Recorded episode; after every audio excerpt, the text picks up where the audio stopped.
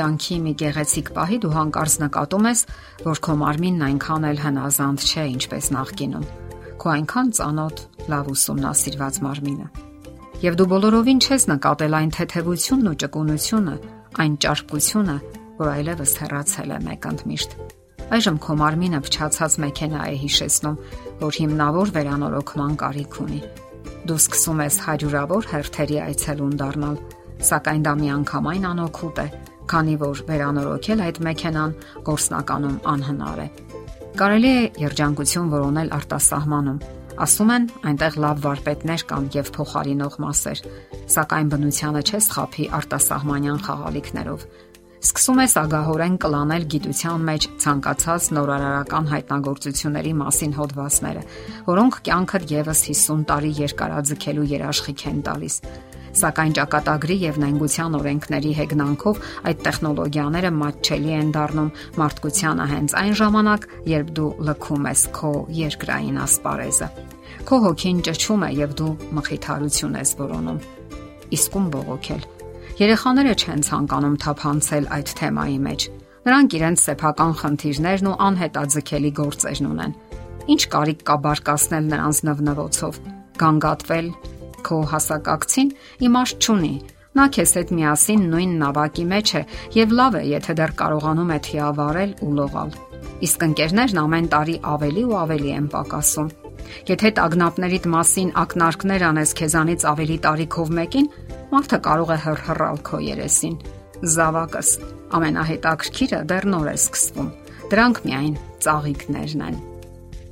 Բժիշկներին կարելի է գանգատվել, սակայն գրպանդ լայն բացելու պայմանով։ Հիշողությունդ սկսում է հրաշքներ դուրս տալ, անցյալից խնամքով հանելով քեզ համար միանգամայն անպետք պատառիկներ։ Նա կտրականապես հրաժարվում է աշխատել կենցաղային կարճ տիրույթում։ Շուտով տնից քո ամենօրյա դուրս գալը մի քանի մասերի է բաժանվում։ Դուրս եկար, վերադառնում ես ակնոցներիդ հետևից։ Դուրս եկար, վերադառնում ես հերախոսի հետևից։ Որոնում ես այնքան ժամանակ, քանի դեռ չի զանգել։ Դուրս եկար, վերադառնում ես մեքենայի բանալիների հետևից։ Իսկ ամենասարսափելին այն է, որ դու սկսում ես ընտելանալ այդ ամենին։ Գլուխը հրամայում է մարմնին, իսկ նա հրաժարվում է լսել։ Դառնում է ծույլ, դանդաղկոտ ու ծանր, եւ բարեբախտություն է, երբ ոչ մի տեղդ չի ցավում։ Գեղեցիկ շրջանակով ակնոց ես գնում եւ մտածում, որ շուտով լսողական սարքի կարիք կունենաս։ Իմիջայլոց, այդ սարքերը գեղեցիկ չեն պատրաստում։ Մարդիկ նայում են. «Է, այդ ինչ է այդ տեղականջիտ մոտ» եւ նրանց հայացքը կարեկցանք է արտահայտում։ Նորաձևության ու ոճի պաճուճանքների մասին խոսելու հարկ էլ չկա։ Իրերը, հակոստները կարում են ձիգ վարակիրան երիտասարդների համար, նկատի ունենալով նրանց ուղիղ կեցվածքն ու երկաթյա ամրակուր մկանները։ Հրաշալիորեն գծագրված հակոստներն անհեթեթ տեսք ունեն երբ դու երկրորդ կզակ ունես եւ կախնկած որովայն։ Իրենց նայելով հայելու մեջ ոմանք կայծակի պես մարզադահլիճ են վազում, որpիսի վերադարձնեն երբեմնի մարմնաձևերը։ Իսկ ոմանք էլ անհույս թափ են տալիս ձեռքները եւ գնում փափուկ հարմարավետ սվիտերներ, անպաճույճ ջինսեր ու տարիներով հագնում դրանք։ Ծերությունը. Երբ ամեն օր հարվածներ ես ընդունում եւ փորձում դիմանալ, հասկանալով, որ ոչ մի հաղթանակ էլ չես ունենալու։ Գլխավորը չմոռանաս ինչպես ճպտալ, կատակել ու լինել քաղաքավարի։ Եթե այդ հմտություններն էլ կորցնես, դու վերջնականապես պարտված ես։ Դորիան Գրեյի դիմանկարը գրքում Օսկար Ուայլդը այսպիսի հետաքրքիր միտք է արտահայտել։ Ծերության ողբերգությունը այն չէ, որ մարդը ծերանում է,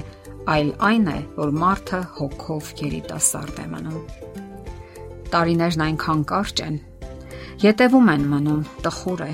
սառնամանիք էր, ցուրտ չէր եւ տոտն էլ տոտ չէր։ Ամեն գարնան հետ ավելի սուր է զգացվում ավարտը, այս փոքրիկ ներկայացման, որն ակնհայտորեն ես չեմ մտածել։ Այս տողերը պատկանում են Ալեքսանդր Մակարևիչին, ռուս երաժիշտ։